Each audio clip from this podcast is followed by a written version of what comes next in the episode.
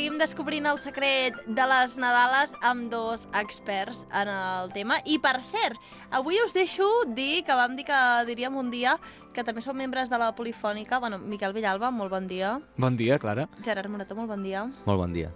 Uh, això, que uh, podíeu fer aquí una crida per si la gent volia venir a la Polifònica, no? Sí, i tant. Uh, sempre, sempre és benvinguda la gent que, que vulgui provar a cantar amb nosaltres, perquè és un grup molt maco i assagem els dilluns al vespre i bé, si algú està interessat a venir a Diola i provar què tal una temporadeta, només ens heu de, ens ho heu de dir. Doncs mira, ja està, ja hem fet aquí una mica de publicitat. Voleu, voleu publicitat alguna cosa més? No teniu cap empresa, no sé, cap cosa, cap botiga? O sigui, ara m'enganxes que he perdut tots els negocis que tenia i no, ostres, ara no sé què No publicitat. sé, feu classes de, classes de piano a domicili, el que vulgueu, aprofiteu. Bé, si algú ens vol contractar per fer algun concert, mm, sí, són bastant polivalents, podem... Uh, us deixem els nostres números i els nostres catxets respectius. Truqueu a la ràdio i ja està, i us donarem tota la informació del Miquel i del, i del Gerard. I va, a veure, avui, de què parlem? Avui parlarem del Rabadà, és com si féssim un, un salt al passat, perquè vam començar aquesta secció parlant de cançons eh, nadales tradicionals catalanes i avui, en aquest sentit, doncs, hem, hem escollit el, el Rabadà i la principal motivació eh, per escollir aquesta cançó eh, és que eh, no és una peça que en, eh, en el company Miquel eh, li agradi excessivament i va ha decidit fer aquest programa per intentar eh, carregar-se-la públicament. Correcte, és, això és així. O sigui, és un acte d'odi, quasi. És un acte... Sí, sí, sí, Sí? podríem dir que és un acte d'odi. La, la Fiscalia ja està, Però- Gairebé. està prenent nota. Sí, sí, sí. Um, I per què no t'agrada el rabadà? Bé, rabadà, deixa'm dir abans que és una... És una... Què és un rabadà, oi? El, un rabadà, um, sense parlar del personatge concret de la- d'aquestes festes nadalenques, és l'ajudant d'un pastor. I de la paraula, de fet, té un origen àrab. Significa el dels moltons. El moltó és el, és el mascle de, de l'ovella, castrat, em sembla. I um, llavors, en àrab, rap, no ho sé pronunciar, eh? segurament algú que ens escolti que sàpiga l'idioma em- tirarà els pals pel cap, però rap eh, significaria senyor i dan és el, és el plural de moltó, són moltons. Llavors rap a dan és el, el senyor El dels moltons, el senyor que, els, que es cuida sí, d'aquests animals. I a mi em sembla, com si parlem concretament del, del personatge nadalenc, a mi em sembla un personatge nefast, perquè és un, és un paio que bloqueja tota temptativa de- d'avançar cap a algun lloc. O sigui, és com que la gent, tothom va, té, té ganes de fer coses, d'organitzar-se i, de, i, de, i de tirar endavant, i ell no para de, de fer el mandra, de, de dir, no, no, jo el que vull és esmorzar, o sigui, deixa'm, deixa'm en pau, Mhm. saps? I, I tu qualsevol cosa que, que, li, que, intenta, que intenten fer com a grup, ell està molt lluny de col·laborar. O sigui, és el típic amic que tu dius anem a sopar a un restaurant nou i diu, ui, no, no, no, i a sobre no proposa una alternativa. O sigui, s'ho carrega, diu, no, no, és que a mi als restaurants nous no me n'enfio perquè després em deixen l'estómac malament. I no fa res per tirar endavant. És, és aquest, és És aquest aquest tipus de amic. personatge, exactament. Vull Fins- trencar una llança, perdó, perdoneu, ah. em, em sento, no, no, tinc l'obligació moral de trencar una llança a favor, de, a favor del Rabadà. Uh, empatitzo molt fortament amb aquest personatge Mare i penso meva. que davant de la histèria col·lectiva que suposa el Nadal a la nostra societat, uh, convé algun tipus de personatge d'aquest estil que digui, eh, para el carro, para el carro. Per al carro Per i... tant, crec que es pot valorar també una mica positivament, aquesta figura. Bé, sí, d'acord. He d'admetre que, que tinc el cor dividit, no? perquè alhora és, algú, és un personatge amb sentit crític, és un personatge que, sí, es pot llegir així també. Però em No, remeto és un a... quejica, tal qual. És, jo, en realitat, sempre em decanto pel que és un quejica, i ara, avui, Un paio que respon, perdoneu, eh, però un paio que respon vull esmorzar, com Sí, a, el com a impugnació, em sembla, vaja, fantàstic. Jo també vull esmorzar. té el seu punt brillant. És tard, eh, per esmorzar ja. Eh, És un hashtag, això, no? Hashtag jo també vull esmorzar. Però bé, um, aprofitaré, um, faré servir l'argument d'autoritat, esgrimiré uh, aquest argument per, uh, perquè, com que tinc aquesta mena de croada personal contra el personatge del Rabadà, he, he rellegit una mica el poema de Nadal de Josep Maria de Sagarra, que és un autor que m'agrada molt i que el trobo molt irònic i molt, molt, molt m'agrada molt la seva literatura, i, uh, hi ha alguns, hi ha un fragment d'aquest poema de Nadal en què els pastors que, que van a veure l'infant i tot això eh, se'l troben, se'l creuen pel camí. Escoltem un, un fragment, de, una, és un audiollibre que podeu trobar a YouTube del, del, del poema de Nadal de Sagarra. Escoltem un de, el primer fragment, on surt. I els pastors van trobar el rabadà que geia com sempre a la palla. A les dents una llesca de pa i al cor una escorrialla de cançó per mandrejar. El rabadà, de tots ells es triava la carn més ben salada i tenia per jaç les millors pells i fins per la pluja tenia teulada. És a dir, és un aprofitat de la vida un i un pijú, mandrós. és un pijú, o sigui, aquí, que si les millors pells, que si no sé què? I fixa't que a, la, a, a una estrofa d'aquesta cançó ell està sempre dient que no vol anar i que no vol avançar, el que sigui. Però llavors quan diu en Miquel, el teu cosí, portarà un porró de vi, portarà un porró de vi, ell diu, n'hi haurà per mi? O sigui que quan, quan pot eh, treure alguna mena de rèdit personal, llavors sí que li interessen Llavors les coses. sí, llavors sí.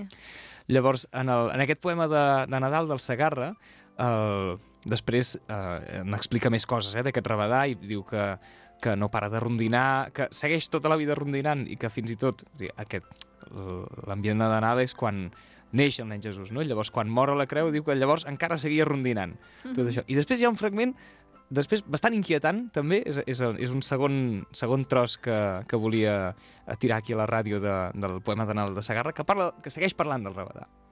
I encara és viu. I té unes carns madures que li cauen dels ossos resplomits.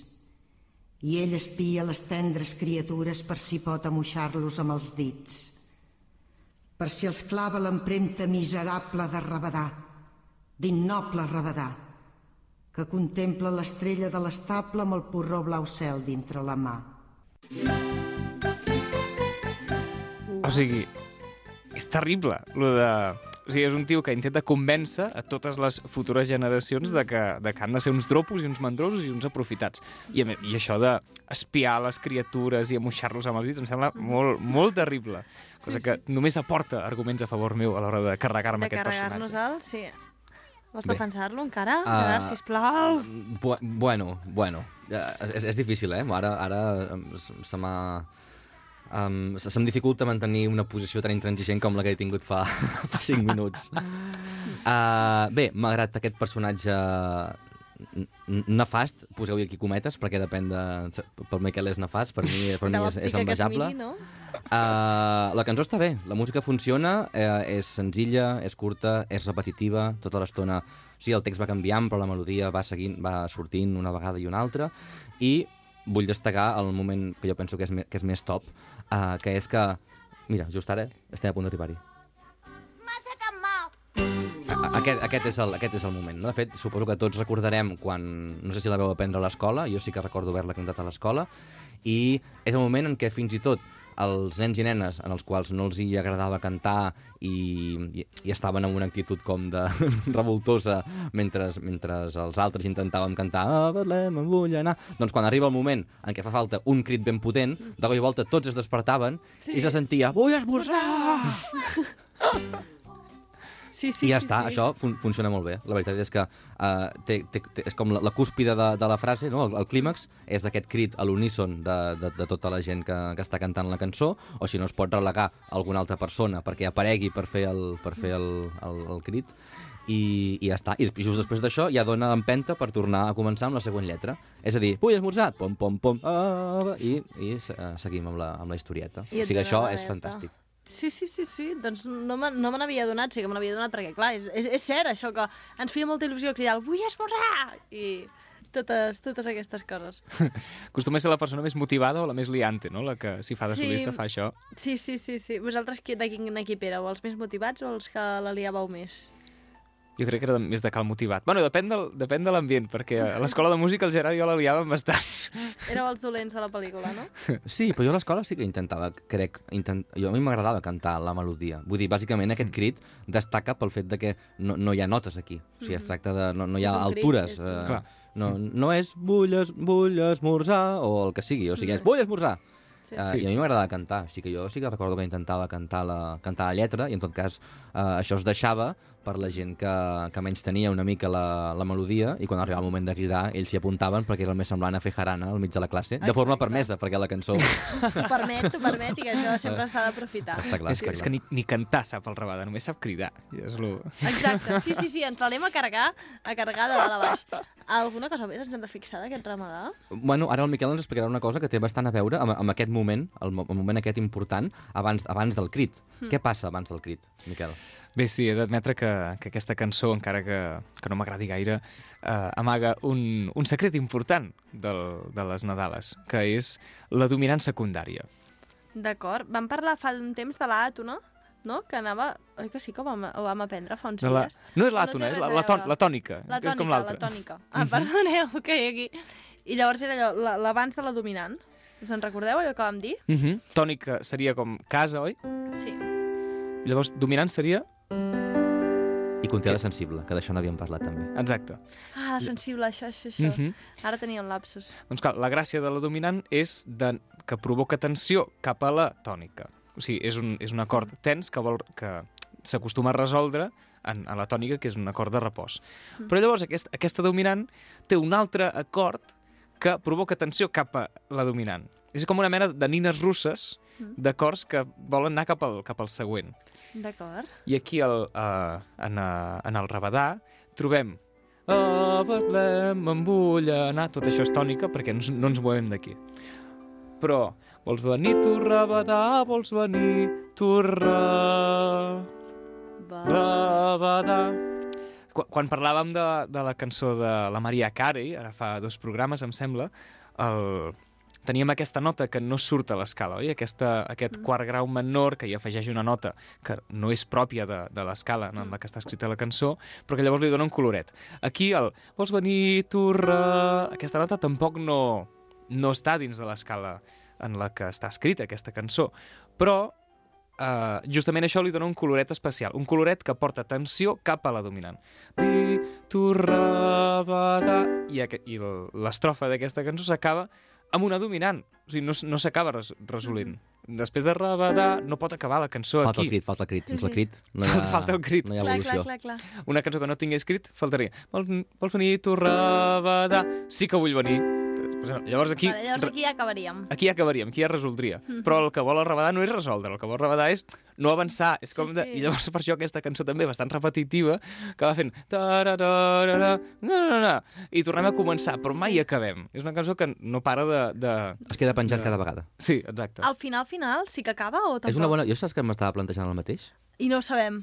Oh, sí que ho Ah, sabem. Miquel, com a odiador d'aquesta cançó, que l'has investigada bé, que acaba amb un crit, la cançó, o apareix una tònica en algun moment? Jo crec que acaba amb un crit. Sí, va, sí D'acord. perquè fa que ja és hora que marxem cap a Betlem.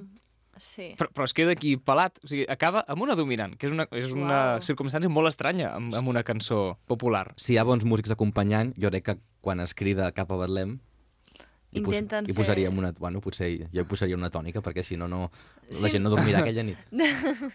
En el cas del Miquel i el Gerard no dormiran, nosaltres sí que dormirem perfectament, perquè al final estem descobrint ara mateix que són tots aquests conceptes gràcies, gràcies al, al Gerard i al Miquel.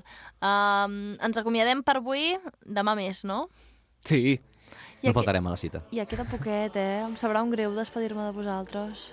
ai sí, sobretot ara que ho fem des de l'estudi i que els dies que ho vam fer des de casa era, era un embolic, Sí. era molt més incòmode i ara estem aquí. Aquí estem perfectes. Podríem treure uns cacauets, una mica de vi, sí, estaria No, a bé. aquesta hora, si us plau, no es pot veure vi encara. Encara falta una mica per veure vi. S'haurà de buscar una altra temàtica sobre la qual parlar. Em sembla perfecte. I Vilafranca hi ha una cosa que diuen que és bastant coneguda, que es diu Festa Major. No sé... I diuen que hi ha música, també. Aquí tirant indirectes ja, però una Ai, ai, foto ai. extra, extra de festa major. Això, moltíssimes gràcies, Miquel i Gerard, per ensenyar-nos el secret de les Nadales avui del Rabadà. Una abraçada. Una abraçada. Igualment. calor